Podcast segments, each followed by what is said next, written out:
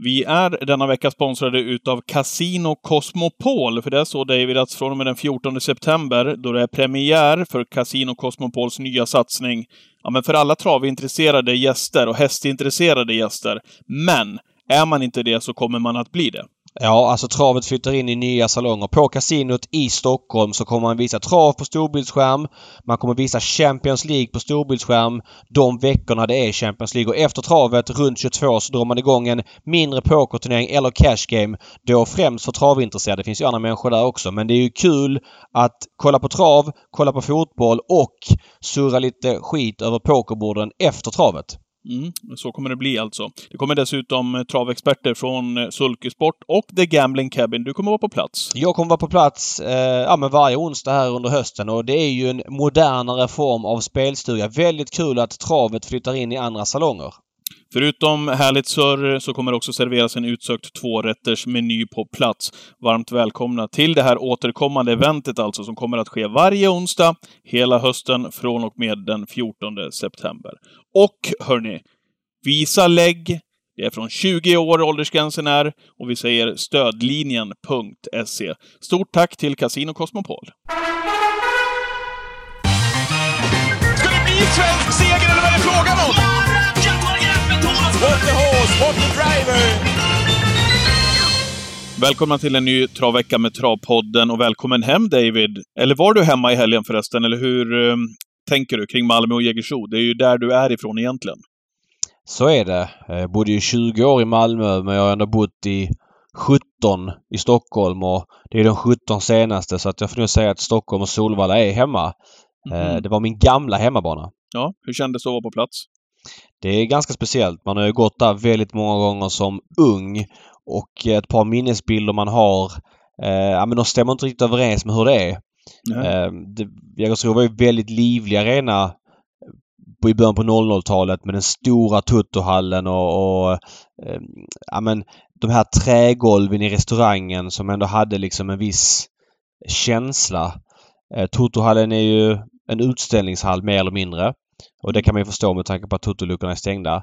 Eh, I restaurangen det här trägolvet är utbytt mot så här linoleumgolv. Mm. det är inte så charmigt. Så att själva restaurangen kändes iskall. Men det som slog mig mest av allt ändå det är hur otroligt dåligt man ser för Jägersro när man ska se loppen. Eh, dels är ju galopperna alltså gör från, mycket. från restaurangen eller? Ja, från restaurangen. Mm. Galopperna gör ju väldigt mycket. Men sen är det ju så att du, du kommer inte så högt upp på restaurangen. Så att du har liksom tornet i vägen, den stora skärmen på innerplan i vägen. Eh, du har någon eh, saxlift från TV i vägen. Alltså det är massa grejer i vägen. Så att jag gillar att följa loppen med kikare. Men jag får liksom hela tiden titta bort från kikaren eller använda kikaren på den stora skärmen på innerplan för att se loppet.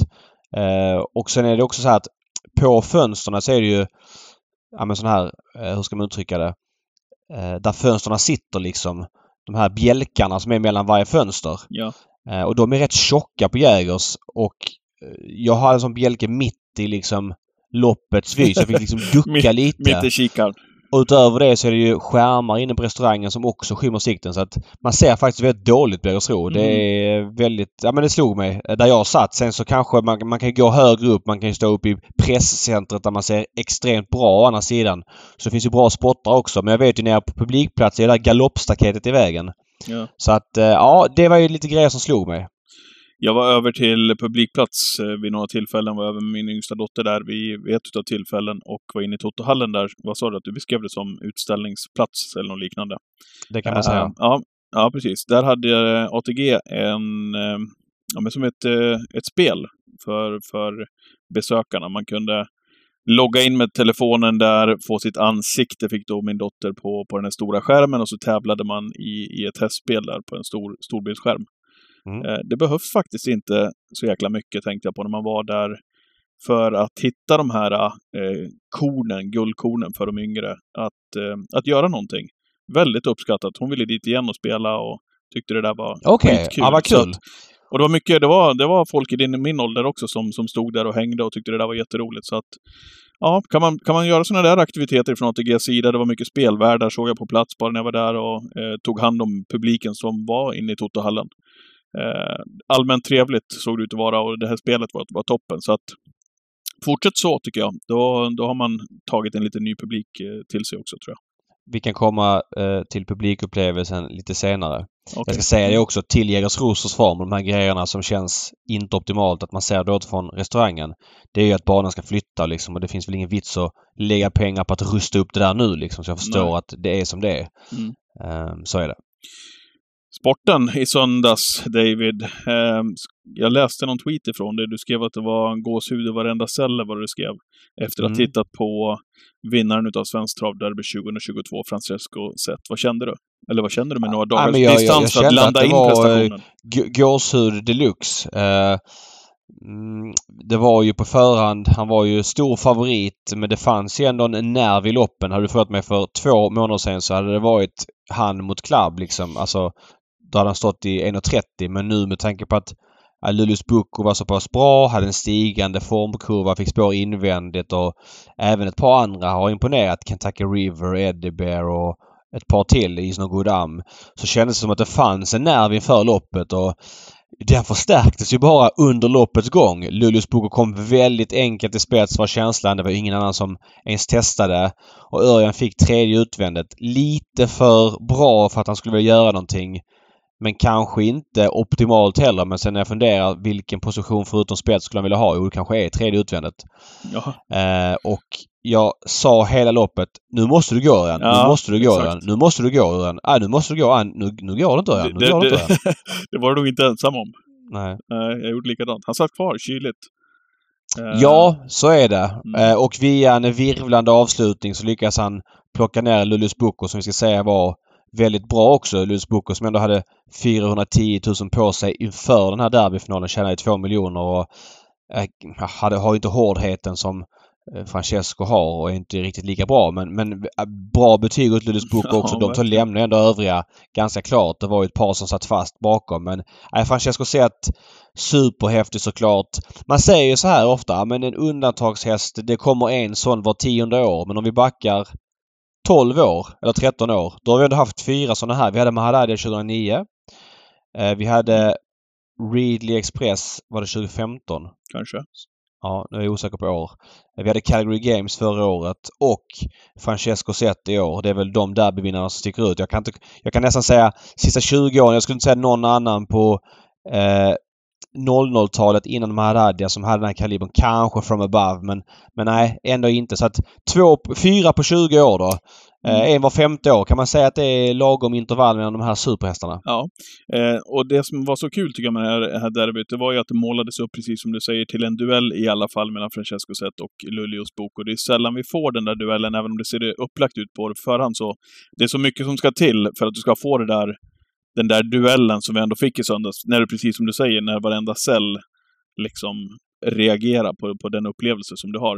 Eh, Velino Boko tänker jag på, till exempel. Man pratade väl om Velino Boko Sahara Dynamite. Vilket år var det, mm. David? Eh, ja, det var väl typ 07-08. Någonstans säga. där, ja. 08, för Commander ja. Crow var väl 07. Så det, och där ja. fick vi också den där, ja men en, en duell, liksom när två stycken topphästar duellerar hela vägen in. Men det här var ju, det här var ju någon, en extra upplevelse, verkligen, alltså som, som man kommer att komma ihåg när det gäller derbyt. Just den här duellen. Ja, nej verkligen. Eh, häftigt lopp och det är ju de här prestationerna som gör att folk hajar till lite grann. Eh, och som gör att man liksom får den här känslan. Jag satt med, med några kompisar på restaurangen och vi tittade på varandra efter loppet och vi slängde fram våra armar och vi har börjat få det gåshud över hela kroppen liksom. Mm.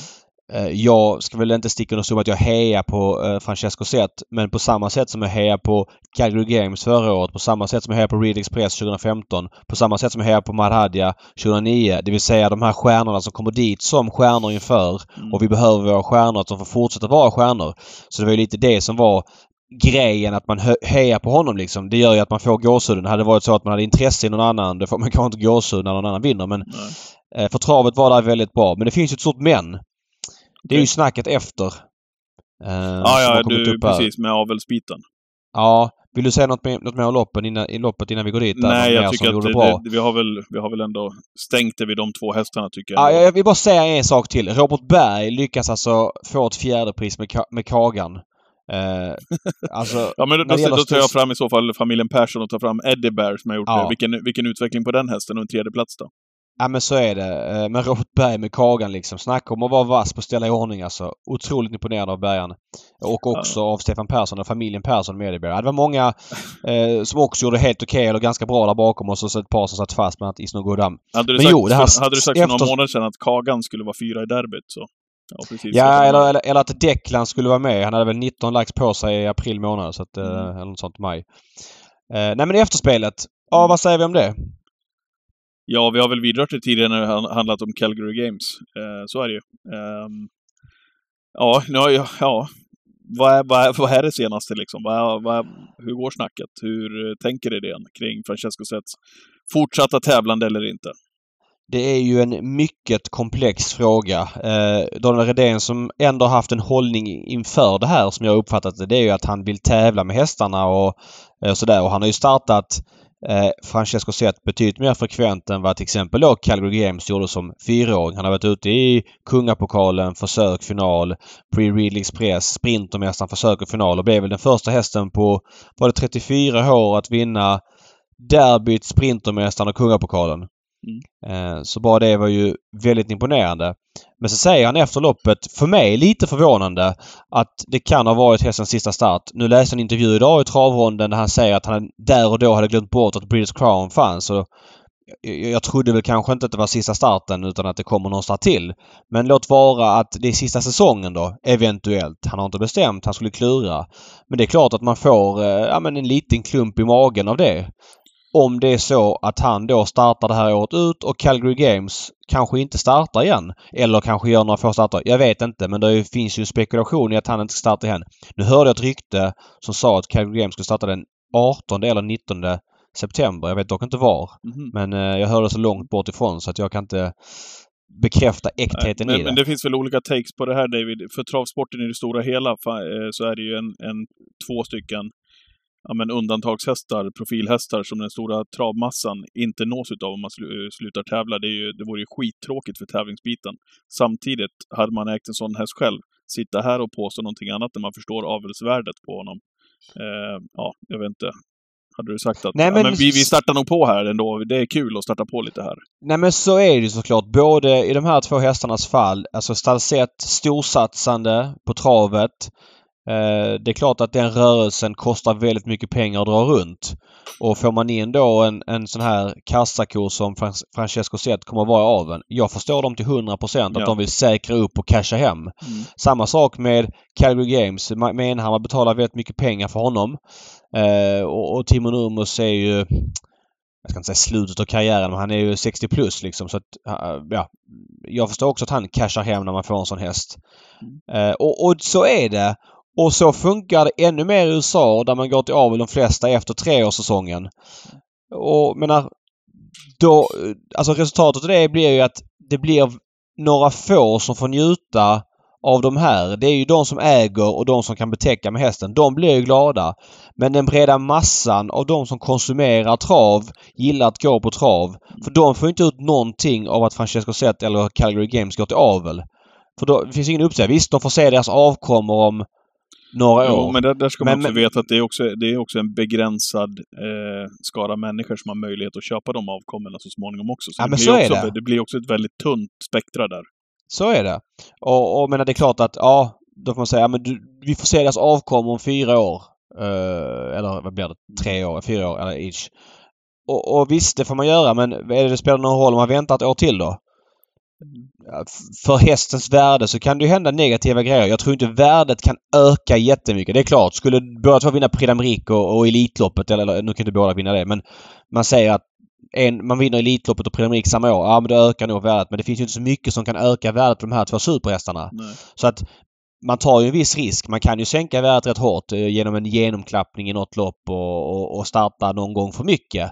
Så att det finns ju risker såklart. Jag förstår dem.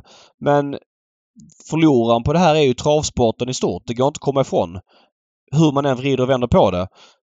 Och det är ju ett problem vi kommer få. Kommer de allra de här undantagen som här, för Ridley Express som Haddad gjorde inte det. Mahaddad tävlade ju han var ju en Prix som nioåring. Och Ridley Express vad var han? Var han 7, 6 eller 7 när han eh, ströks ur Elitloppets final? Jag tänker... Ja, precis. Det var väl 2017. Visst var han 6 tror jag. Eh, Nej, men vi pratar ju ofta om den svenska modellen, alltså att, att vi urskiljer oss där. Eh, vi, eller vi skiljer oss där från, från till exempel USA, med att starta på sina hästar, skapa profiler i svensk travsport och så vidare och så vidare, och med allt det får med sig i form av förhoppningsvis publik och så vidare framöver. Det är ju det är klart att det här är ju någonting som vi inte är riktigt vana med. Och sen hur ofta, de kommer inte fram sådana här hästar heller. Med så här täta mellanrum eller egentligen. Vad sa du? Fem års intervall här på några hästar ja. som du ville ploppa. Eh, ja. Ah, han, nu, har, nu har vi sju... två stycken här. Ja. ja. han var sju Ridley Express när han eh, gjorde sin sista start. Och nu börjar han betäcka tidigare Ridley Express och sådär. Och det finns ju en risk med att börja kombinera travel och avel samtidigt också. Dels är det så här att det sliter på hästarna. De kanske inte presterar på topp. Sen är det också så här. Säg att Francesco Zet skulle då säga att han får 70 ston säger man. Uh, han får betäcka under vintern så man fryser in och så vidare. Ja, och av hans första kull på 70 ston chansen är större att han får fram fler stjärnor om han betäcker 150 ston. Så att begränsa sig till 70 år 1 och, och det första året på tävlingsbanan blir sisådär. För att han bara har 70 eller 50 eller 40 avkommor. Ja, då löper man ju en risk som hingsthållare. Okej, okay, vi, vi, vi körde bara några 50 ston första året och där fanns bara två bra istället för kanske ja, 12 bra som hade synts. För att man ser ju de som är bra de som inte blir bra syns inte på samma sätt. Det är viktigt att få fram stjärnor i, i första kullarna för de här hästarna. Och det är klart att, att det är en risk man tar då också. Så att det finns ju väldigt många aspekter i det här. Men förlora är travsporten. Travsporten behöver sina stjärnor. Ja men verkligen. Eh, Samtidigt som jag har full förståelse som du var inne för. Ja. ja men en bra häst kommer inte dra publik på samma sätt som de gjorde på 80-talet. Det här Legolas och Järvsöfax-eran och sådär. Det, det är förbi liksom. Men om Don Fanucci Zet startar på Valla eh, en onsdag, jag vet inte hur många extra han drar. Men skulle Francesco Zet möta Calgary Games eller Samotör eller Hail Mary eller Don Fanucci Zet om ett år i något superlopp. Då har vi ju en faktor som drar extra publik. Ja. Så är det. Ja. ja, och med det sagt då. Jag hade jag suttit på en sån där skattkista själv så Nej men jag, jag återigen, det vi pratar ja. om det. Det här är storsatsande hästägare och många aspekter som drar på sig mycket utgifter. Det kostar mycket att äga häst. Får man fram en sån här häst och en kassako så är det. Men alltså det blir ju det blir ett problem blir det ju onekligen om de allra bästa hästarna. Då är de som kommer tävla vidare efter derbysäsongen. Det är de som är inte superstjärnor men helt okej okay, eller vallacker. Och i vissa fall ston. Mm. Då tar du bort de, de, fem bästa procenten. Visst, det kommer säkert att hästar som fortsätter utvecklas. Typ Don Fanucci Zeta eller Hail Mary som har fortsatt tävla. Men känslan är ändå att det här är en nivå till. Jag vill säga det, jag glömde Hail Mary när vi pratade om eh, undantagshästar. Men han hade en skada som gjorde att inte han blev... Han tappade liksom sin femårssäsong. Mm. Eh, så att eh, därför blir de andra fyra som sticker ut lite grann. När du är inne på Timo Nurmos där och hans Calgary Games och även eh, Luleås Boko så blev det ju, eh, föga förvånande får man väl säga, Timo Nurmos show i derbystoet. Lara Boko befäste väl sin, sin plats där eh, som etta. Eh, och där bakom också Seniorita Tokyo då, stallkamraten som slutade tvåa. Eh, det var, ja det var starkt av Nurmos och Lara Boko bra igen. Ja, Lara Boko är ju kullens bästa sto. Nu vann hon inte Storchampionatet men det var väl för att det kanske var en opassande löpning över lång distans. Hon, hon låg ju på lite grann. Hon är ju lite rusartyp så att ja. det må vara hänt och att Daniel Wäjersten då i andra vågskålen är väldigt skicklig och lyckas få till great skills den dagen det betyder som mest. Det är klart att Lara Boko är etta i kullen och eh, imponerande nummer hans sex hästar. De var etta, tvåa, eh... Ja, det var väl var det inte det de var? Ja, det var det de var faktiskt. Ja. de var, resten var oplacerade. Ja. Ah, ja, men det räcker ju att de var ett och tvåa. Bara det är ju en enorm framgång. Det är tre miljoner in till stallet så att det får man ju säga ändå är... Jag tror han hade tagit det innan loppet om man hade fått välja. Då har sex hästar ut men ja. du är bara ett och tvåa. Sen blir de andra oplacerade. Så han har nog tagit det ändå. Mm. Ja, verkligen. Uh, ja. Eh, någonting annat ifrån den söndagen eller ska vi, ska vi nöja, oss, nöja oss vid dem? Eh, nej, det finns väl inte så mycket eh, om den söndagen. Det var bara en, en liten grej i V751 där Unico Broline kom till ledningen och Adrian försökte täppa till för Erik. Jag har ju uppfattat det som att Adrian och Erik är väldigt bra polare och har varit det länge och Erik har kört en hel del åt Adrian. Då tycker jag det är uppfriskande att de tävlar mot varandra. Att Adrian försökte sticka dit benen så att Erik skulle bli fast. Nu var nog inte eh, risken så stor att Erik skulle fastna men ändå ett tävlingsmoment där Adrian lackar ur lite grann och visar spö för sin häst. Men det är. Polare får de vara. Ja, skitbra alltså. Ja skit, skitkul. De måste ju vara så att man tävlar mot varandra trots att man är polare liksom.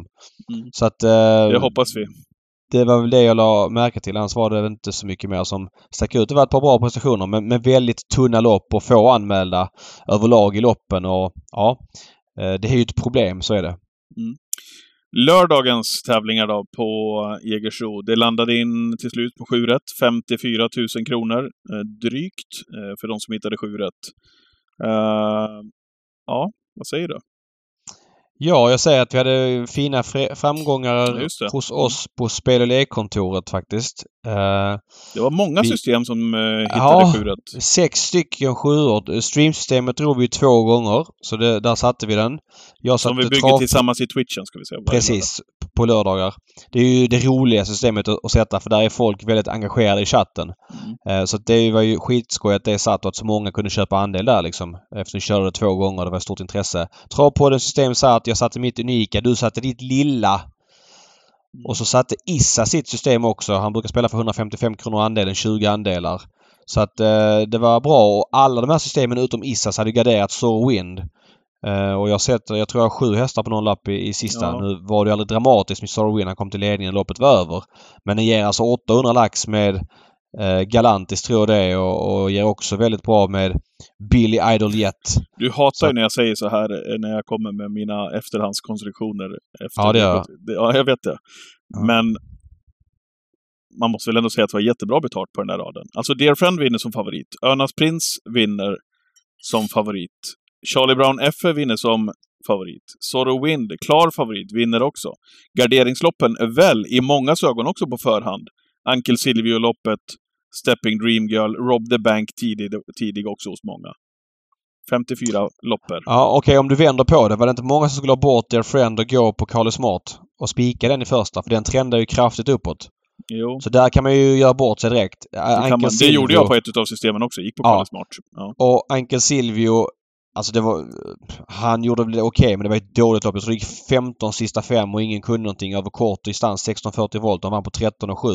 Ankel Silvio vinner nog inte... Alltså han måste ju förbättras om han ska vinna fler V75-lopp. Eh, Jag, jag läste Spelvärde hade alla utom tre och de hade inte med den. Eh, Alltså när man ser hans prestation och att det räckte till seger så är det svårt. Så det är enkelt att fatta att folk rankar ner honom. Så att, ja visst, tar du många då är han väl lätt att få med för att loppet var ihålligt men eh, på Expressen gick jag på, på ehm, eh, Eagle Rock där liksom till exempel. Så visst, Ja. nej det blir ju lätt i efterhand. Ja. Eh, och Stepping Dream Girl. Alltså är den, visst det är många som garderar där också. Jag snackade med Jeppson inför. Han var ju lite sugen på spetsa och han är ju otroligt vass på att köra från start. Så är det bara. Och, och där kan man ju ha sex, sju hästar och bomma Stepping Dream Girl. Men visst, i efterhand är det enkelt. Ja, ska inte säga sådär mer då, men det var, Nej. ja, det, var, det var 54 papp in i alla fall. Och kul att så många eh, hängde med. Twitchen, eh, ni är väl med nu på lördag igen. Vi bygger det här systemet som David precis pratade om, streamsystemet som det heter på Spel och lekkontoret. Vi bygger det tillsammans varje lördag. Eh, jag tycker att det är skitkul. Eh, bra vi- ska vi- stämning där. Ja, ska vi inte ge Örnas Prins en eloge också? Jag menar, Verkligen. eh, en häst som... Ja men... Nu gick vi på honom ganska mycket men så fick jag in i, på radarn att det var många som fick in det att man ville köra Harambuco i spets och då slutade med att jag garderade mina egna lappar ändå. Eh, ja, nu var det ju ändå bra att han vann men att han vinner ändå på, från dödens med 0-6 öppning på Mm. 10 och 2. Alltså... Han är ju hårt tagen av prins. Han har fått många tuffa lopp. Ofta springer i spets och svarar och sådär. Men fortsätter ändå leverera på en hög nivå. När ska Eh, Admiral Lass vinna då? Ja, det är en bra Tret- fråga. tret- 38 procent den här gången.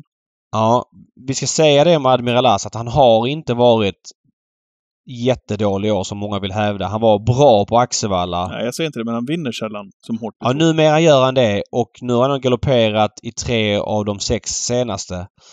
Eh, Jag hävdar ju att, som jag har sagt hela tiden, att Admiral As har tjänat 2,5 miljoner nästan på öret.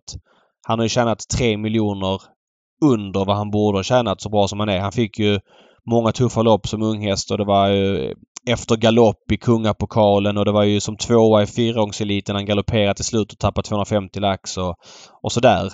Nu är han sex år. Reo tränar ganska tufft. Jag, jag, tror inte det är någon utveckling kvar i honom. Så det är klart att han kan tjäna fina pengar på nivån han är på. Men nu sa Reo att ah, vi ska se om vi hittar vad felet är. Det är något som stör honom. Eller kanske går någon månad till och vips så är det vinter och sen är det en ny säsong. Alltså du vet.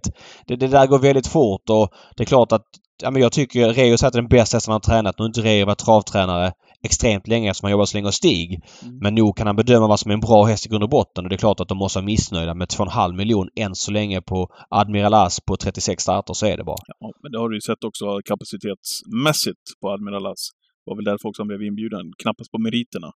Utan att den där det nej, fanns nej, ju, det fanns ju Uspen där, ja precis, med kapacitet. Ja, precis. Nej, nej, så är det. Så är det. Men det, det så att, nej, det, det, där hade jag varit... Eh, alltså det är ju en superfin häst som man vill se fungera. Men hade jag varit i kretsen runt Admiral As hade jag varit bekymrad. Får jag ge Dear Friend också, eh, i och med att jag sa det innan här, att jag, jag har svårt att se henne stå emot över full väg när Carly Smart mm. kommer att komma tidigt upp.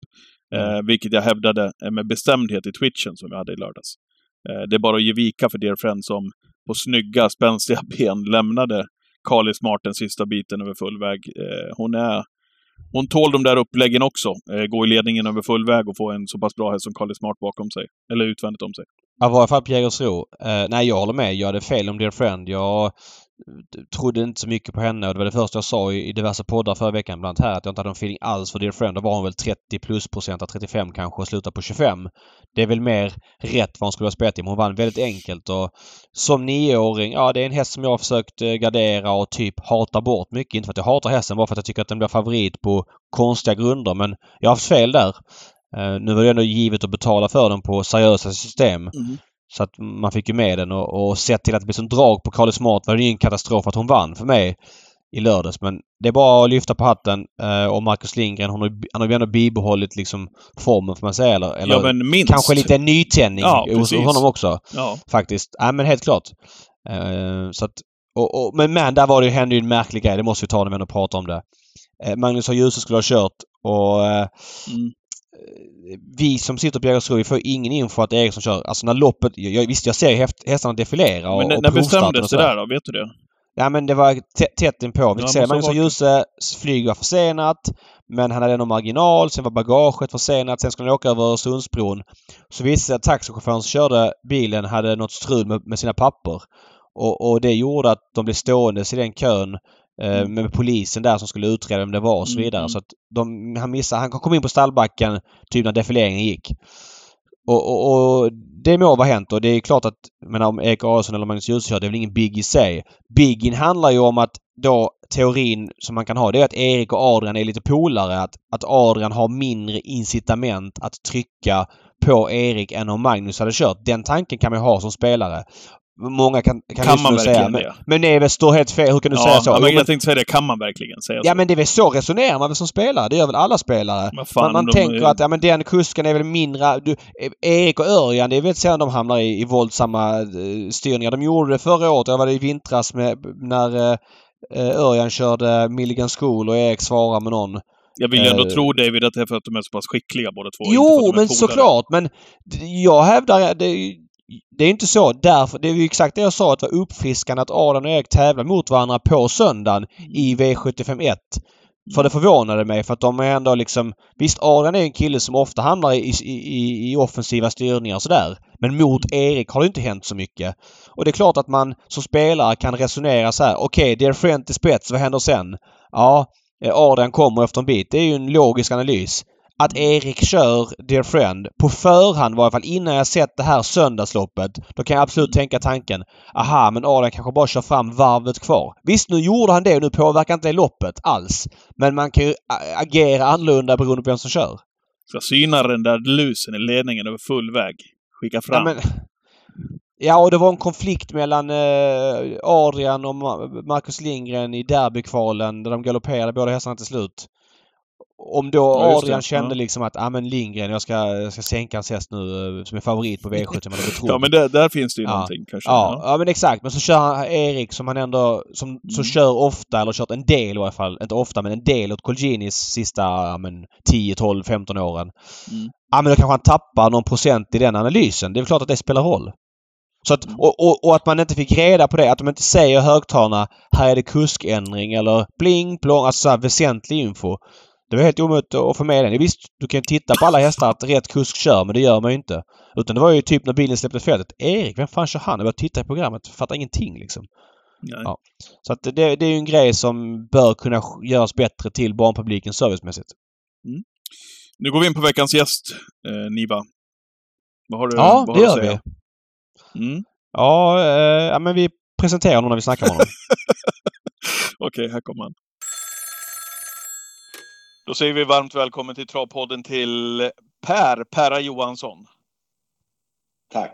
Eller kanske Glada Hudik-Per, du är mer känd för. De som är med i den här podden brukar ha vunnit ett och annat travlopp. Du är nog den som kanske har vunnit minst travlopp. Men du har annars varit med två gånger hos Skavlan.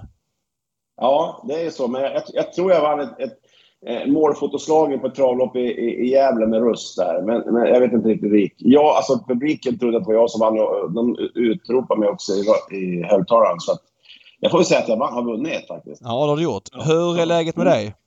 Det är jättebra. Eh, jag tror att vi aldrig har haft så mycket projekt på gång med vår teater någonsin. Så att, eh, det är jättebra. Och sen är jag också väldigt intresserad nu när travet ska gå på Hamyren till helgen. Eh, hur man kan bena ut ett sånt system.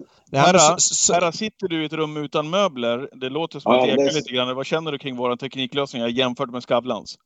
Ja, men ni, har liksom, ni kör på Skype. Och, jag vet inte, det var modernt i början av 90-talet. det var väl innan internet kom.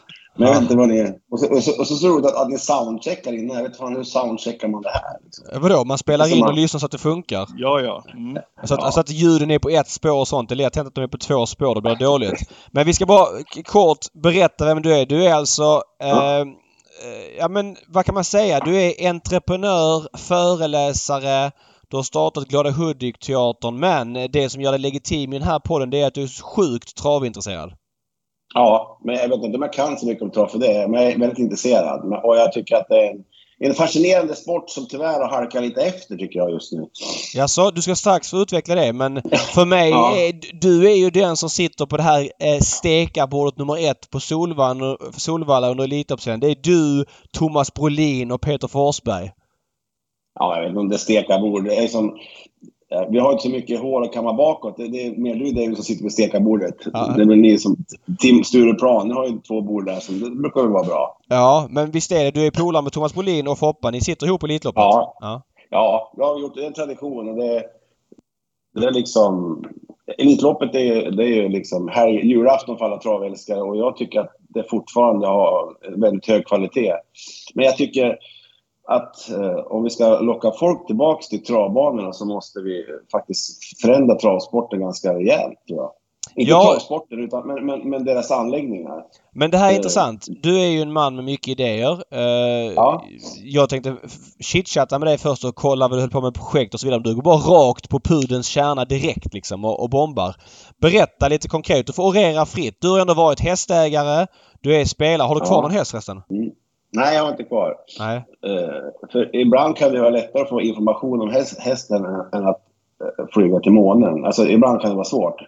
Uh, och idag, eftersom ni kör Skype så kanske inte informationen funkar så bra. Men jag tycker liksom att om, om travsporten ska liksom bli långsiktig, och jag älskar så måste vi bygga om anläggningarna. Liksom. Vi hade chans under pandemin att, liksom, att komma ikapp, men idag finns det anläggningar som är byggda liksom på 40, 50, 60-talet och det sitter 23 man där. Och jag tror att vi måste bygga anläggningar där folk känner att det är folk. Så min dröm vore ju liksom att man tog efter Meadowlands, att man känner, oavsett när man är på trav, känner man att det är fullsatt. Och det går ju att säga att det var bättre förr, det vet jag, men, men vad jag vill säga det är liksom att eh, vi har alla chanser, för det, det, är en otrolig publiksport och otroligt fascinerande att se det på plats och se de här fantastiska djuren springa runt den ovalen. Det tycker jag är helt magiskt. Och jag tror att vi skulle kunna, om vi vi har hela tiden pratat om det här, men det har inte hänt så mycket. Liksom. Det är fortfarande samma gamla bufféer som står och det är fortfarande... Jag tror vi måste höja oss ett snäpp allihop. Och det är lätt att skylla på andra människor, att det är deras fel. Eller man skyller på sportchefen, man skyller på det. Utan jag tror att alla måste liksom förstå att det här är viktigt för, för långsiktigheten och travets överlevnad.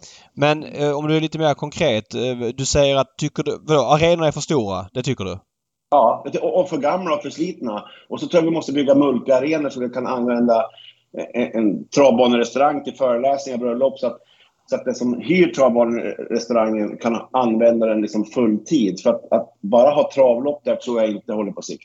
Nej, men det har du rätt i. Men det du drömmer om nu, menar vi är 36 travbanor. Du själv är från en mindre travbana. Jag menar att rusta mm. upp 36 banor, det är inte gjort i en handvändning. Alltså pengarna till det, var ska de komma ifrån?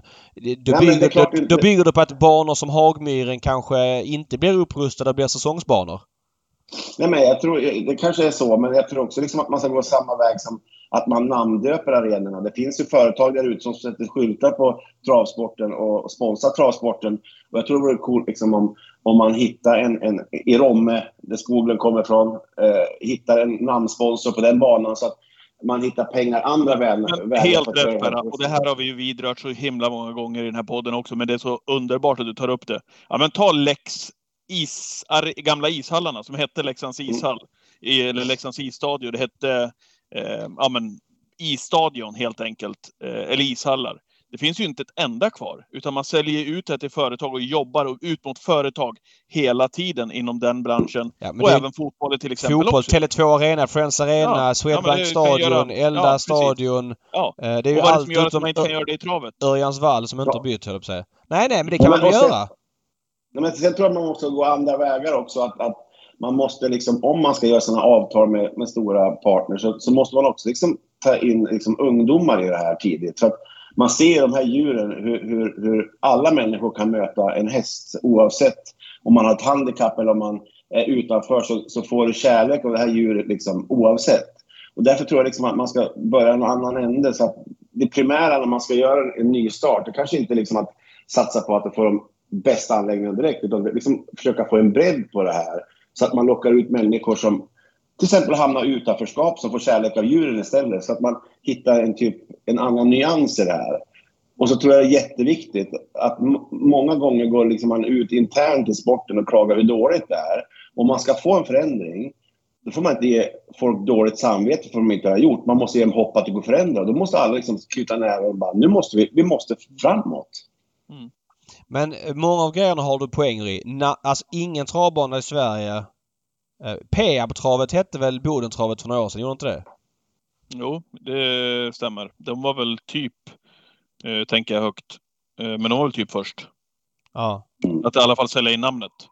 Och det, det är ju faktiskt smått, man måste väl ändå säga att det är unikt ändå, att man inte har lyckats med de största arenorna att kunna sälja in till, till större företag.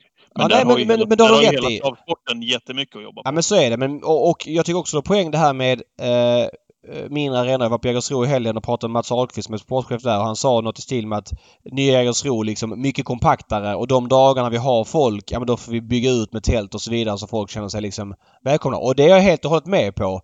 Eh, men det, det är också lite drömmigt det du säger. Alltså det är ju svårt att genomföra. Då måste vi ta, kanske bestämma oss. Ja men Hagmyren är en bana som Ska vi bygga om den för vad? De har folk en dag på året. Är det inte bättre att Hagmyren tävlar då sommarmånaderna och sen så är det igenbommat på vintern? Eller? Jo, jo, absolut måste man hitta... Eh, jag tror inte man kan ha en jämn linje över det här. Jag tror man måste rusta de här stora banorna som du rustar de stora arenorna. Men sen måste du ha bredden också så att de här små banorna och den här sommarskärmen finns kvar. Och det är precis så att köra på sommaren där. Men jag tror liksom att man måste göra ett helhetsgrepp liksom. Vart är travet på väg? Och hur får man tillbaka det som en publiksport? För att vad, vad, vad ATG och OTV, heter de så? Nej, kanal, kanal 75. OTV gjorde ja, tv-sändningarna fram till 2015. Sen, ja, sen dess så kanal 75. Ja, ja, ja, men, men det är viktigt där tror jag liksom också att, att eh, man har gjort ett väldigt bra jobb med sändningarna. Så att det, det är väldigt komfortabelt att sitta hemma och se på en sändning. Du får jättemycket information. Eh, du, får liksom, du får en jättebra helhet och liksom, du får en väldigt bra livekänsla när du sitter hemma. Så att, eh, man, måste för, man måste få folk att titta tillbaka till travbanorna. Och jag tror liksom att man måste kombinera att travbanorna kan, man kan göra andra saker där. Eh, inte bara använda till trav. Nej, men då har du rätt i. Bara fråga där. Eh, du har inte, kanske går inte lika mycket på trav som du gjorde kanske för tio år sedan. Eh. Eh, och du tycker det är bekvämt att, att sitta hemma. Varför tycker du det är viktigt att man måste locka tillbaks folket till banorna? Ja, för jag tror att när man upplever saker emotionellt, när man är på plats och får se de här vinnarna och man, och man, det är som man, man ser en fotbollsmatch och man är på plats och ser ett väldigt snyggt mål så får man en emotionell känsla för det. Och jag tror den emotionella påverkan är den långsiktiga. Det kan du inte göra via fina slogans som hästar och ATG, utan det måste du göra att människor känner. Och det gör man när man är på plats. Ja, men jag tänkte i ditt fall också, men att du kanske inte går lika mycket på trav. Du känner inte samma engagemang för att äga häst. För att det är rätt svårt att bli hästägare framför TV-rutan. Visst, du spelar lite på trav och det är en bra produkt på TV. Men, men travet är inget kasino som behöver enbart spelare. Vi måste ha folk som äger häst och, och tar in den här sporten på lång sikt. Det kommer ju spelare, kommer i fem år år sedan så läste de på travet och spelade på något annat. Jag menar, eller fyra år eller ett år. Det finns ju alla möjliga cykler för hur folk velat spela på trav. Men de som är hästägare, ja, de spelar ju nästan på trav livet ut. Kanske inte så mycket, men lite grann hela tiden. Det är de vi måste ha in. Och de lockas väl av att gå på trav och träffa andra intresserade. Annat än att sitta hemma och kolla på TV. Jo, men, men, men, du måste också få hästägare genom att skapa engagemang. Folk som känner sig delaktiga i någonting, eh, de kan ju gå igenom berg för saker. Och jag upplever att kanske engagemanget liksom, från liksom, helheten gör att hästägarna ibland kan ses sig förbisedd. Nu, nu, jag vill inte generalisera, men jag, jag, vill ju liksom... Jag vill ju att det ska bli en bredare linje över hästägandet så du också får tillbaka det här eh, bredden i sporten. För eh, jag, jag, älskar det här kompisgänget som kan liksom gå på trav och ha en häst. Liksom. Men, men det är en kombination det här liksom av att jag tror att, liksom att utvecklingen har inte gått i den fas som man hade hoppats. Och då, då, tror jag det blir mindre hästägande. Sen har inte jag några siffror på om hästägande gått ner, men jag upplever det så. Det kanske inte är så. Men varför äger du själv inte häst längre? Därför att jag, jag tappar någon typ av engagemang. Liksom. Jag, jag, jag gillar ju liksom det här att vi att man samlas kompisar runt, runt någonting gemensamt och så har man ett gemensamt mål. Och, och i, i, ja, dels, det kanske ligger, det ligger hos mig själv, men det ligger också liksom i, i naturen över liksom, eh, helheten runt travet. Jag tror att vi måste liksom... Det måste höjas ett snäpp. Det finns andra grejer som stimulerar mer kanske. Än att äga häst? Ja. Mm. Men du spelar på trav typ varje vecka? Vi har ett spelbolag som går sådär. Eh, det heter Bättre sent än aldrig. okay. alltså, och, och, och så, så, utsätter man sig för att vara expert, men man blir ju sågad varenda lördag. Men det, det, är också ett sätt att hålla ihop. Även fast man tycker att man gör ett dåligt system och värdelösa spikar så har man ju kontakt med människor. Mm. Och, och det, det, tror jag liksom, travet är viktigt. Liksom, för, för så länge människor har kontakt. vad jag fascineras över, det är att jag har varit på Elitloppet nu kanske 30 år. Eh, där har det varit liksom mellan 20 och 30 000 människor. Människor med olika nationaliteter, med olika ursprung. Jag har aldrig sett ett slagsmål på Elitloppet. Och det tycker jag är fascinerande. För att jag tycker att det också symboliserar styrkan i travet, att liksom människor får en tillhörighet. Och jag tycker att det är väldigt schysst stämning. Var det inte det Per Skoglund sa i Nyhetsmorgonsändning? Åh, hit kommer alla och alla är glada vid inspringet liksom. Det sprang in ja. de här som är där på inspringet ett par tusen i Åskådare bara väller in. Här är det bra stämning så bakom honom i, i, i skärmen blir det som bråk mellan två lirare. Nästan så smockan hänger i ja. luften. Nej men... Ja, men du Per, jag tänker så här, är det David är inne på också. Du och jag har ju ägt häst ihop till exempel. Mm. Och, och jag blir ju så här när jag hör att du inte äger häst längre, ja men då, då känns det som att då känns det som att det är någonting som svajar. Jag menar, finns det någonting bättre än när vi träffades eh, ett gäng eh, innan vi åkte ut där? Du hade styrt upp en morgonfrukost där. Vi hade starttest, åkte ut till Valla, hade en hel dag där, en hel kväll. Bättre än så kan det ju knappast bli. Och när du säger att det, det är liksom någonting som saknas där för att du ska bli hästägare igen. Vad är det som gör det? Och är det, vad är det som måste till, förutom att lokalerna måste fräschas upp? Jag, jag, tror liksom att man måste liksom skapa engagemanget runt det här. Man måste hitta nya former för människor att mötas. Eh, man gör ju sådana här... Eh, och jag tror att i det här fallet måste man jobba med uthållighet. Man gör ju försök att man gör tjejkvällar ibland och det blir liksom, men det blir inte kontinuitet i det. Jag vill att det ska vara mer aktiviteter som lockar människor. Liksom att, eh, att man gör också så här... Människor älskar att tävla i olika former. Alltså, att man startar så här VM, alltså att man träffas på Solvalla och tävlar i att tippa bäst. Alltså på plats. Idag tävlar vi ju digitalt, men jag vill få in människor i, i loopen att kunna engagera sig på plats. Och, mm. och jag vet ju att människor blir otroligt engagerade när de, när de väl kommer dit. Mm. Men det gäller att få dem att ta det steget. Varför ska jag åka dit? Och då måste man också fundera på, liksom, är det för lång, en, en travdag för långt? Ska man hellre köra, liksom, försöka köra ihop loppen? Och då vet jag också konsekvenserna att man inte hinner värma. Ska det vara en bana man kan värma utanför? Alltså det finns massa tankar i det här. Men jag tror liksom att man ska här måste man försöka vara kreativ och så måste man försöka hålla en linje. Och jag tror inte att alla kan vara med och tycka om det här. Utan det måste vara någon som bestämmer vägen så får folk försöka följa efter. Mm. Mm. Nej visst, du har poäng. Vissa saker känner jag är väldigt svåra att konkretisera men andra saker är ju här och nu. Eh, alltså publik, man har ju inte, som du säger, man har ju satsat väldigt mycket på, på speloptimering men då driver man ju mm. travet som ett kasino. Eh, man måste driva det på ett annat sätt. Så att eh, mm. ja, det är väl svårt att komma in till, till, till, lösningen här. Annars då? Hur ser ditt liv ut i övrigt? Eh, ja, men, du... Eh, nu, ja. ja, vad jag gör? Ja, men vadå? Du, du har grundat Glada Hudik-teatern. Du, ja. För, du är en av Sveriges mest anlitade föreläsare. Nej, en, av, en, en av Sveriges dyraste föreläsare. Ja, det vet jag inte. Men jag, jag, jag, jag tror jag, jag, tror, jag tycker om att föreläsa. För det, det är ett sätt för mig att eh, få skina. Eh, men men eh, jag, håller, jag får en egen tv-serie mm, tillsammans med Viaplay Original som heter Avskalat som har premiär i, i oktober. Där jag intervjuar olika människor om, inte främst vad de är känns för, utan om livet. Eh, sen håller vi på att spela en dokumentär nu som heter Det kunde varit vi, som handlar om svensk rasforskning som är 100 år i år, en fruktansvärd historia. Och sen uh, går den här filmen Catwalk upp internationellt nu, så vi är på filmfestivaler runt om i världen. Så vi har jättemycket roliga projekt på gång och det är det som jag drivs av, att göra olika saker och inte bli fast i en struktur. Mm. Jag kan säga det också att för er som inte har anlitat Per eh, som föreläsare, gör det, passa på det. Jag skojade lite grann med prislappen där. Otroligt engagerat och populärt att lyssna till det Per. Det är, må det är många eh, som säger det till oss. Jag har själv varit på några stycken där också, så har ni inte gjort det så, så anlita gärna Per. Ja, nej, men det, det, kan jag skriva under på också. Eh, mer då? Du var ju på middag med kungen här för något år sedan. Går du fortfarande på middag med honom ofta? Nej, Tips nej, nej, jag inte. Nej, men jag fick ju konungens medalj och det var ju hedersamt. Och det var tror jag 2010, så det var ett tag sedan. Men, men, men, eh, nej, men alltså, eh, vad jag har lärt mig med mitt yrke, jag har hållit på, jag får ju guldklocka här nu, så att jag har hållit på ett jävla tag. Men vad jag har lärt mig med mitt yrke, om jag ska få en uppfattning om samhället fungerar, så det är lika viktigt för mig att sitta på OK och lyssna när farbröderna tippar trav och deras, samhälls, eh, hur deras samhällssyn är som att ha middag med kungen. Eller att, och det är jag jättetacksam att det får vara i olika sammanhang. Men jag försöker liksom umgås med tvärsnitt genom samhället. Det är då jag får en uppfattning hur, liksom, hur man kan jobba med integration.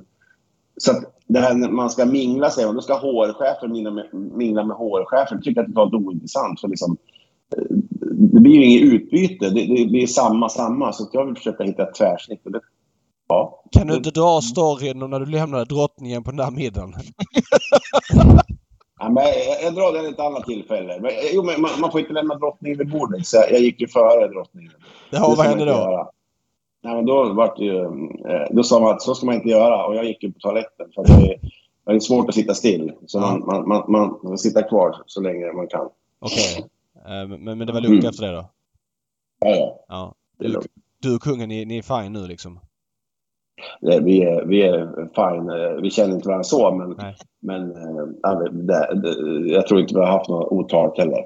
Men du, du rör dig i mycket kända kretsar och som vi sa tidigare, du går på Elitloppet med Ja, du och Thomas Bolin är från båda från Hudiksvall och ni är kompisar sen mm, eh, mm. väldigt länge tillbaks och, och, du känner för hoppas där. när du nämner trav eh, i de kretsarna Alltså nu är det ju mm. väldigt breda kretsar. Det är allt från prinsessa Madeleine i, i den här Catwalk till kungen. Mm. Nej men till... Eh, alltså, ja. men du träffar mycket idrottsfolk och, och andra typer av kändisar. Ja. Vad är deras bild av trav där? Att det är någonting man... Eh, när det kommer på TV så byter man kanal.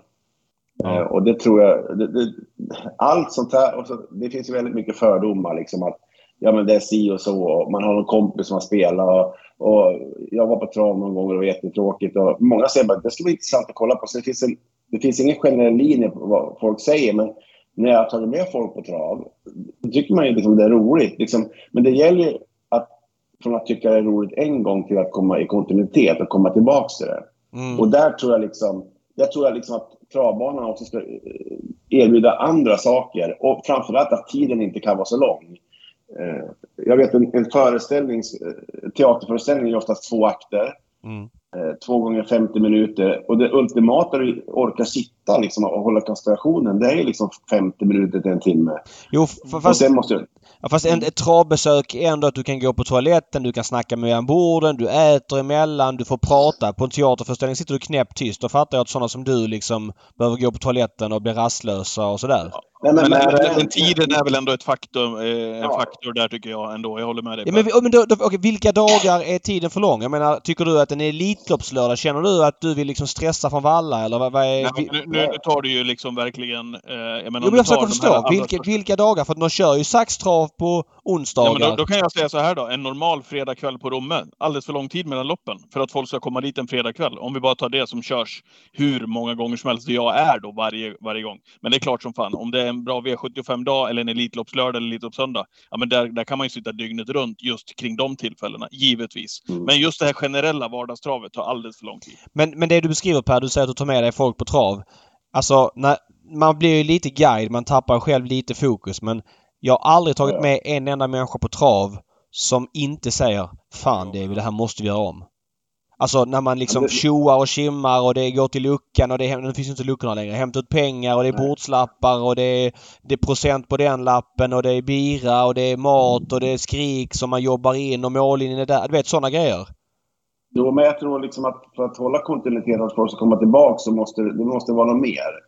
Jag, jag, tror inte att det bara... Alltså upplevelsen är ju... Jag menar, det är som du tittar på en Champions League-match som du tänker är V75 och så kollar du på eh, eh, Korpen och går på något breddlopp. Det är klart inte får samma uppslutning. Men vad, vad jag vill säga är liksom att jag tror att om man komprimerar tiden för idag, vi vill ju ha snabba impulser idag. Samhället går med att det ska vara snabbare och snabbare. Vi, vi, vi, vi tar emot information hela tiden. Så jag tror att vi ska försöka minimis, minimera tiden på banan men göra det så upplevelsefull som möjligt. Mm. Ja, jag vet, jag vet att, att det, det, går inte parallellt med sporten. Jag vet att man måste värma. Och jag har all respekt för djuren. Men om man ska hitta någon bana man kunde värma samtidigt så att, så att, så att man fick ihop det till runt två och en halv timme så tror jag det vore ultimat. För att åker idag, då liksom, det är ju tre och en halv, nästan fyra timmar. Ja, men eh, då, liksom... då undrar jag, om du kortar ner det då. Eh, är inte risken att du känner att amen, jag ska vara där i två timmar, jag kan inte bara stanna hemma? Nej, men jag tror liksom att du ska gå därifrån när du vill stanna kvar. Att du ska vara precis där bara, fan, jag vill ha mer. Men att, nej, nu är det slut. Men jag, jag, det är som en Mm. Ja, jag, jag, håller med med snabba mellan loppen. Jag är helt enig med dig. Framförallt på vardagstravet. Lördagarna och stordagar tål de att ha 21 minuter mellan loppen. Men det gör man inte på vanliga dagar. Men Nej. för mig är inte saxen lösningen på det. För att då är det ju loppen varannan bana så du upplever det segt ändå mm. ur den aspekten.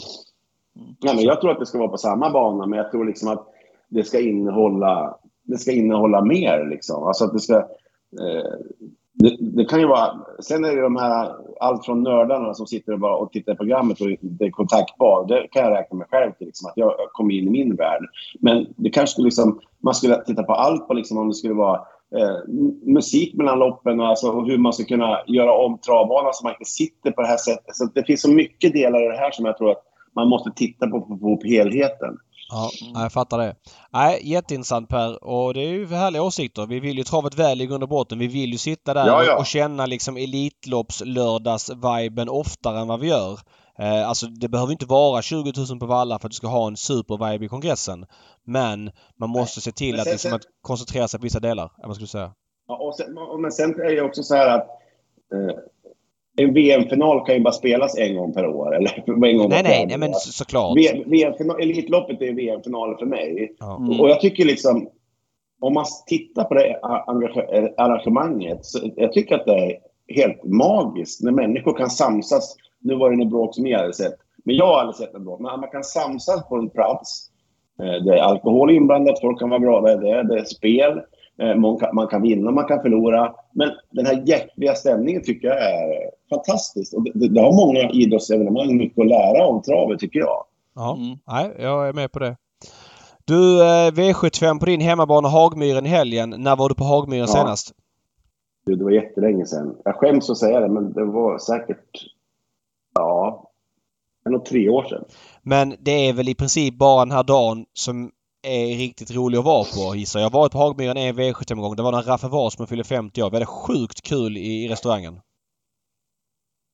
Ja, jag tror så här att jag tror att som ni sa tidigare i inledningen att, att Hagmyren är en sommarbana. Mm. Att åka till Hagmyren en, vad blir det nu, sjunde idag, åttonde, nio, tionde september. Mm. Jag hoppas att det blir bra väder, men det är ju liksom på gränsen. Mm.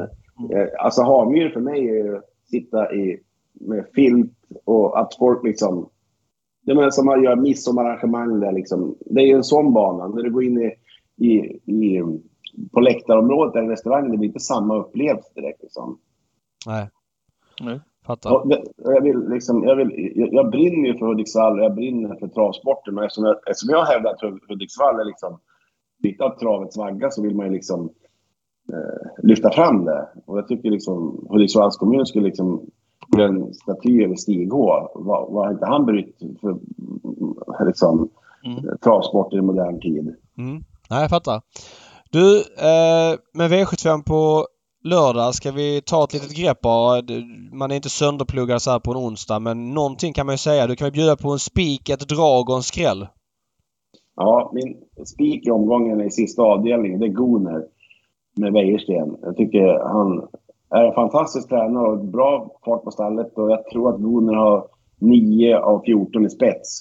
Och jag vet inte om han kommer till spets om Kurre Jarreboko är snabbare, men Kommer han till spets så tror jag loppet är över. Hagmyr är ett kort upplopp så det tror jag det finns en chans att han kan rinna undan. Mm. Och sen kör ju Jorma Saudi AMG, om man säger så. Ja, jag vet inte om jag uttalar rätt. Men jag, vet, jag tycker att eh, svajande stallform hos Gucciadoro. Eh, ibland kan han vara jättebra, ibland jättedålig. Jag upplever att hans stallform är som bäst runt Elitloppshelgen. Och. Ja, så jag tror att det, det, det är en vinnare. Och sen tror jag att... Vad var det mer skulle ta ut? Ett lås, eller? Nej? Nej, men en skräll... Uh, en skräll och... Alltså spik... Vad sa jag? Spik, skräll, drag. Drag och skräll är samma sak. Men okej, okay, spik... Ja. Idé... Ja, alltså ett lås tror jag att man kan uh, gå på två hästar i kallblodsloppet. Jag tror det räcker med Kong CK och Almranders de norska gästerna. Eh, mm. Och Kong CK var med och ägt då, om, om det är syskon till, den prins CK och Joker CK, jag vet inte om det är syskon eller om det är samma uppfödare. Jag vet inte. Ja. Nej. Nej. Men, men jag tycker att det, oftast är det skillnad mellan norska och svenska kallblod i de här nivåerna. Så det tror jag att eh, finns en chans att man kan låsa på de två. Ja. Och sen tror jag att skrällen kommer i avdelning 1.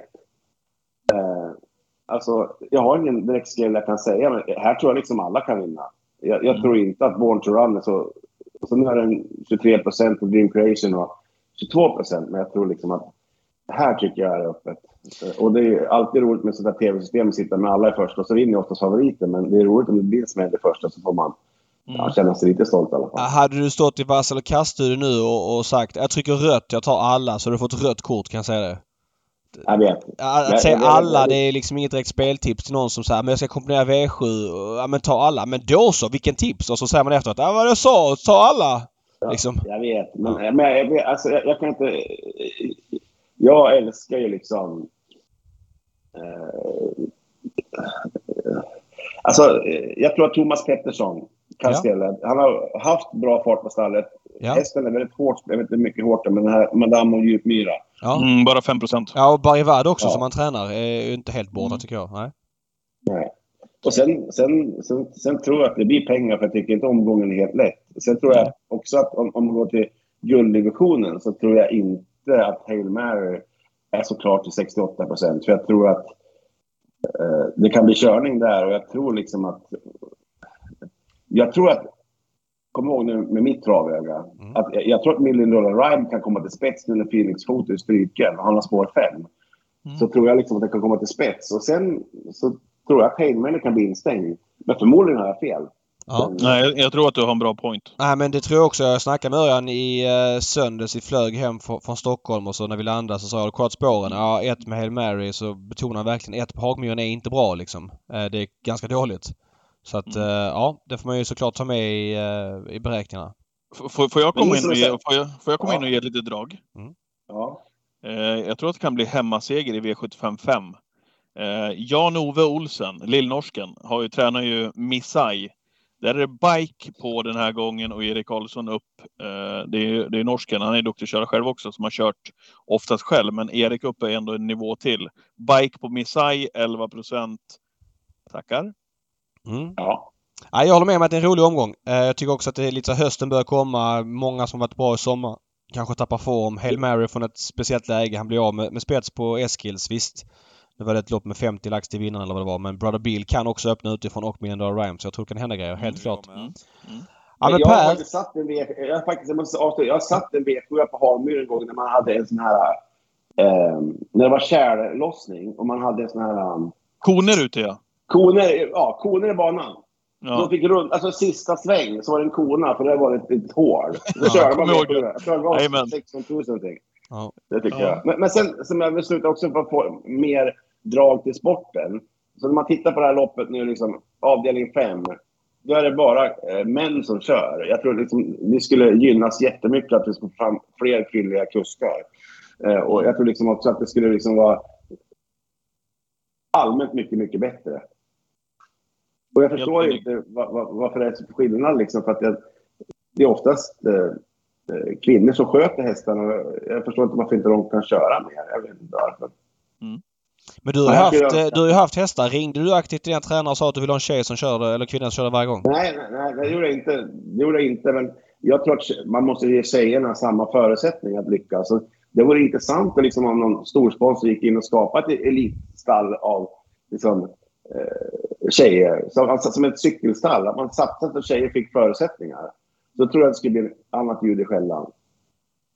Men jag tror tjejer har förutsättningar. Alltså, det, det är klart att som i många andra ställen i samhället att tjejerna, eh, eller kvinnor överlag, har det tuffa. Det är inget snack om saken. Eh, men det är ju så ja. lätt att säga det från sidan. Men du har haft chansen och haft häst och då kan du bara ringa till, till din... Nej, jag vill bara att kvinnor kör min häst för att de har bättre kontakt med hästen. Då får det vara så liksom. Ja. Jo, men... jo men, men jag kan ju fortsätta. Jag tror att om, om vi pratar om på en större bredd i sporten så tror jag det behövs fler kvinnliga kuskar. För jag tror liksom att det vore liksom uppfriskande för hela, trav, liksom, hela travet. Mm. Mm. Ja. Ja, jätteintressant Per. Kul att ha med dig. Nej, du med ska, ska ja, du lagt ner Skavla nu så det blir inget mer där? Nej, det blir inte. Nu har jag skapat mitt eget program då, så det är det jag kör nu. Alltså. Det jag, får, jag får ju My time to shine. Ja, precis. Ja. Mm. Ja, vad kul. Eh, när jag hörde din röst Per, vi får ta en, eh, vi får ta en kväll på, på Valla eller någon annanstans, någon annan travbana. Eh, det skulle vara sjukt kul. Ja, det måste vi göra och jag tycker vi... Eh, det är lätt att prata som vi gör nu, men jag tror att vi, att vi måste börja göra saker konkret snart och då, då tror jag man får liksom våga satsa lite. Eller en sitting på Sturehof. Ja, det tror jag. Mm. Mm. Ja. ja, men svinbra Per. Tack så mycket för att du var med oss. David, David ja? du brukar prata Hudik mål nu. Hur låter det när du pratar Hudik-dialekt? Ja, det är ju många, det är faktiskt många som hör av sig till mig och, och vill att jag ska imitera olika personer inom travet. Jag är ganska bra på att imitera Per Linderoth till exempel. Ja, hallå, ja hur låter det då? Tyst nu. Ja, då kommer till travtränaren Per Linderoth. Jag tycker det är en hygglig häst om man kör ändrat det utvändigt. Men jag kämpar för en bra placering. Det är en hygglig häst.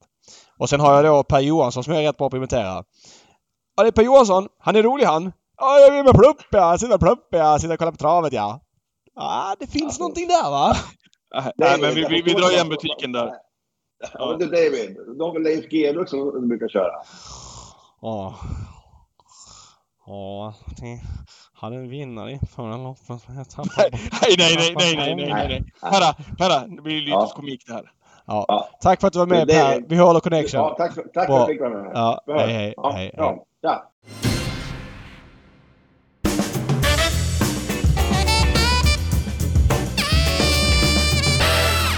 Här är veckans hiss och diss till er. Och eh, du ska hissa. David, har du, har du du har förvarnat mig om det här om en liten stund. Det är väldigt kul för att det är ganska många som hör av sig till mig och så skriver de så här. Något som är, ofta är det något som är dåligt, något de inte gillar. Maten var kass där, mm. eller ditten var dåligt där och det är så här. Eh, veckans diss given, säger de då. Mm. Att de liksom vill stoppa in ja, okay. dissen, något som är ja. men, men nu har de gjort tvärtom, eller vadå? Nej, nej, inte nej. alls. Men eh, det, det, är många som är engagerade i hiss och diss. Ja, ja. Som tycker att jag ska dissa. Eh, alltså de vill liksom påpeka att något är kast och så ska det. Det finns ju en grej. Jag kan vara med hissen så jag kan fylla på med en extra diss sen. Mm. En grej som inte fungerar till, tillfredsställande. Men hissen den här veckan tycker jag är given. Men, jag var ska du börja hissa alltså? Ja, börja hissa. Det var på Jägersro i helgen. Eh, hade, ja men lördagen var så där faktiskt. Det kändes lite avslaget och jag hade inte riktigt pluggat eh, att de hade en storsatsning publikmässigt på söndagen och kände oj, imorgon kan det bli tunt. Det kan bli 1500. Men eh, på Jägersro i söndags hade man djurens dag. Och en hel del så här eh, med matvagnar och ja men jättemycket folk i entrén. När man kom in i huvudentrén på Jägersro i söndags så kände man wow, här händer någonting. Det var mycket folk, mycket kids som sprang runt. För alla som har varit på Gentlemannadagen eller typ på Sundbyholm när det är en så här barnaktivitetsdjurdag så var det ju många som inte kollade loppen. Men det tycker jag inte spelar stor roll för folk. Det handlar om känslan man får när man går dit. Alla de här som var där känner att om Jägersro det är ett levande ställe, vad kul att komma dit. Mm. Och det är väldigt bra för det har varit mycket snack om det här med derbyt.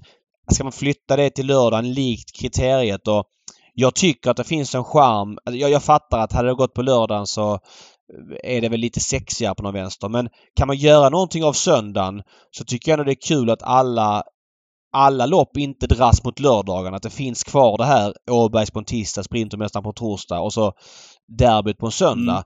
Många söndagar blir iskalla men kan man göra den här satsningen och bygga vidare på den, att ha liksom djurens dag som man hade, så tycker jag att man är någonting på spåren. Ja. Då blir det som en... Eh, då blir det för att det här med, med dubbeltrav lördag-söndag det försvinner mer och mer. Det är många som gnäller på Storchampionatet söndag och så vidare. Men kan man bygga den här söndagen så pass stark så har man... Eh, ja men då tycker jag derbyhelgen håller ihop bra. Sen visst, lördagen hamnade då lite mellan stolarna. Eh, det kändes lite glest för att vara en sån här ja, V75 derbyhelgslördag. Många liksom nerresta eh, potentater från Svensk Travsport och ATG som varit på möten som mm, satt där. Mm. I restaurangerna. okay. I övrigt var det ganska glest. Så att där har man lite att jobba på eh, spontant. Men all eloge för söndagen. Det hände grejer på Jägersro. Det var mycket folk liksom ja, vid entrén och ner mot eh, ridhusläktaren liksom längs med bankant. Så att tumme upp Jägers. En liten personlig lill-hiss eh, när du är inne på det där temat och Jägersro, David så var ju vi där, det här berör ju inte så många människor, men jag vill ändå ta upp det, för jag tycker att det verkligen hör hemma i våran travpodd. Eh, hur man blir bemött och så vidare. Så var ju vi nere med våra ponnyhästar, ett helt gäng. Det åkte alltså, det åker ponnyhästar ifrån eh, Umåker, det åker ponnyhästar ifrån Östersund och Jämtland, de har en bra bit ner. Man, eh, man gör det liksom för kidsen för att de tycker att det är sjukt kul att få vara med i det där loppet. Eh, och kommer dit då dagen innan på lördagskvällen och det står en tjej där som heter, nu tror jag att jag säger rätt, Katarina Hall från Jägersro som jobbar mm. med ponnyhästarna. Eh, vi var väl nere vid halv tio kanske på kvällen. Kom det ett helt gäng. Står där och säger varmt välkommen till Jägersro eh, och har fixat, bubbat upp, dukat, fixat grillbuffé dagen efteråt. Eh, det är västar till kidsen där det står inristat ponnyernas namn. Det är plaketter you name it, och har fixat så jäkla bra. Alltså sådana där resurser som de har på banan som står där och tar hand om folk som kommer dit, oavsett då om det är dig David som kommer till restaurangen eller om det är Ponny folk som kommer dit eh, med eh, travsportens framtid. De ska man vara jäkligt rädd om. Så hon åker med på en lillhiss här. Nej, men jag håller med helt och hållet och eloge till er. det var ju 5 500 på Jägers i, i söndags och historiskt de sista 20 åren så är det en väldigt bra siffra. Det är lika mycket som Åbergskvällen till exempel och där, där man har legat på 15 tidigare år så var det en jättedålig siffra så att eh, de möts lite grann de här två dagarna kan man säga kanske. Jag fick frågan när jag var på Jägersro, du och jag, i, i helgen. Borde man ha lagt... Där, borde, borde derbyt ligga på lördagar? Ska vi... Eller liksom känner du nu när du, när du känner det här att här har vi ändå... Här har vi ändå någonting att ta fasta på framöver? Ja, men jag gillar att man har gjort så på Solvalla för att den söndagen kändes otroligt avslagen och de här extra gångerna på V7 tycker jag har jag svårt för. Hellre då att man kör Grand Slam 75 så att det finns någonting man kan spela eh, ja, men bara V7-alternativet i så fall för att de är tungrodda och gå på trav, topptrav och känna att man inte kan vinna pengar. Det är väldigt trist. Mm. Jag har tyckt att derbyt ska flytta till lördagen och, och tycker det är väl helt okej okay om man vill göra så. Samtidigt är traditionens makt stor. Derbyt har alltid gått första söndagen i september eller äh, sista, jag vet inte hur många åren. Medan kriteriet, det hette ju förr att det gick första söndagen i oktober men det har inte gjort. Mm. Utan det är numera i slutet av september. Det är liksom fram och tillbaka där lite grann med kriteriet. Därför tyckte jag det var lättare att flytta. Men jag tyckte att Jägersro var i fall eh, ja, men det var legitimt att köra derbyt på en söndag den här gången. Liksom. Det kändes som att det, det levde upp. Så att jag tycker inte att det är en fråga, det är ingen fråga som jag kommer att driva eller tycka om. Liksom. Jag tycker att man har hittat en, en, bra grej. Om man får dit så mycket folk som man fick i söndags. Nu var det bra väder och sådär som hjälpte till. Men, men eh, nej, jag, jag, känner inte att jag brinner för att det ska flytta till lördagen. Nej. Även om jag förstår om man vill göra det. Men då kommer det sluta med att Storchampionatet om tre år tar bort söndagen för att eh, det är så glest, det är så många som åker hem. Då är ju allt lördagsfixerat det är ju kul om någon söndag kan vara kvar bortsett Elitloppssöndagen. Så, så känner jag. Eh, veckans diss då? Jag vet inte om det är en diss, men jag bara, det är bara en reflektion. Och jag vet att det är du som brukar brinna för de här frågorna också, David. Jag vet inte vad du säger eh, på den här taken. Jag bara... Jag måste ändå slås av när jag slår upp Solvallas listor till, till idag när vi spelar in podden på onsdagen. Det är alltså fyra hästar i treåringslopp i lopp ett. Vad det beror på? Inte en aning, David. Jag har ingen lösning. Eh, det kanske du har. Eh, lopp ett, fyra hästar. Lopp två, sex hästar.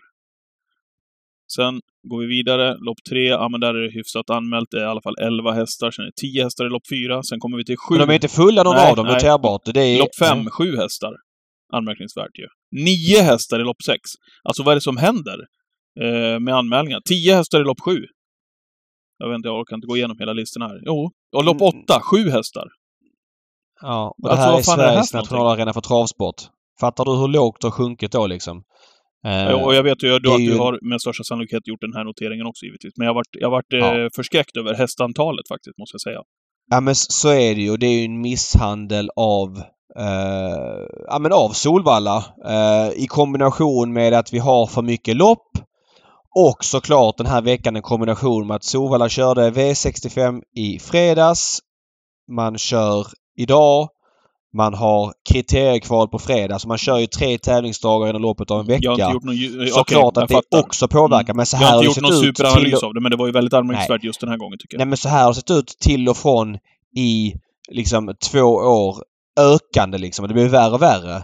Och, och har man då lite otur med kalendern som man har nu med att man kör tre gånger på, på en vecka, men då är det ju, ser det ut så här tyvärr. Mm. Och det här är helt, alltså vem vill åka till Solvalla och se fyra hästar starta ett lopp eller, eller sex för den delen? Helt värdelöst. Sen tycker jag, måste jag säga också, vissa propositioner är jag är, dels tycker jag det är för många som är lika varandra. Har du ett treårigt sto i låg klass så har du tre lopp att gå ut i. Men lopp två, fem, sex, sjuårslopp. Då är det alltså fem, sex och sjuåriga lägst 200. Varför får inte 8, 9, 10-åringar var med där. Jag vet att man kör i Frankrike mycket 5, 6, 7-årslopp. Men med vårt hästbestånd finns det ju inte någon möjlighet att göra den propositionen.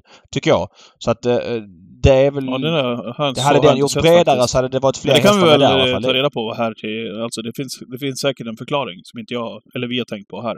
Ja, nej absolut. Men, eh, nej, nej. Och spontant... Men jag, jag kan inte komma på en bra förklaring liksom. Nej. Man kan säga att det finns många femåringar som inte vågar gå ut men är det lägst 200... Ja, jag, jag vet inte. Jag kan... om, du, du, om du är rädd för att möta jo, men de äldre, här nioårige Wallach, låt, låt han vara utfyllnad men är han med så är han ju med. Då blir det, kan det få svåra för någon annan liksom.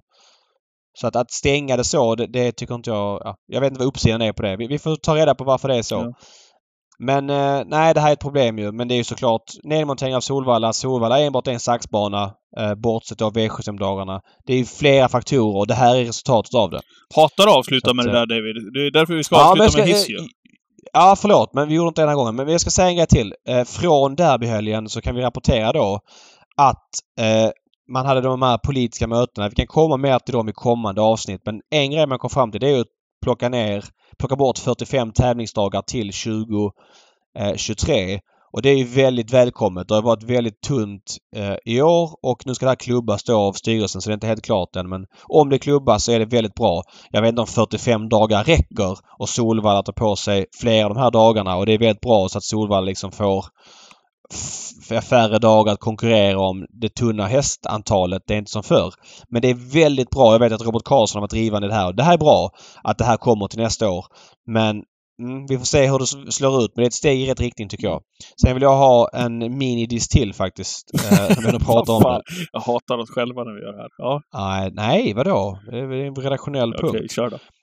Kriteriekval på fredag. Det är skitkul att de går på en fredag. Eh, det, vi ska skicka dit och det är tjo och tjim och det blir trevligt. Men man kan ju separera på tränare. Att tränarna liksom eh, har man fyra hästar ut så kommer det fyra olika försök om man kommer med. Men det gör man inte på ägare.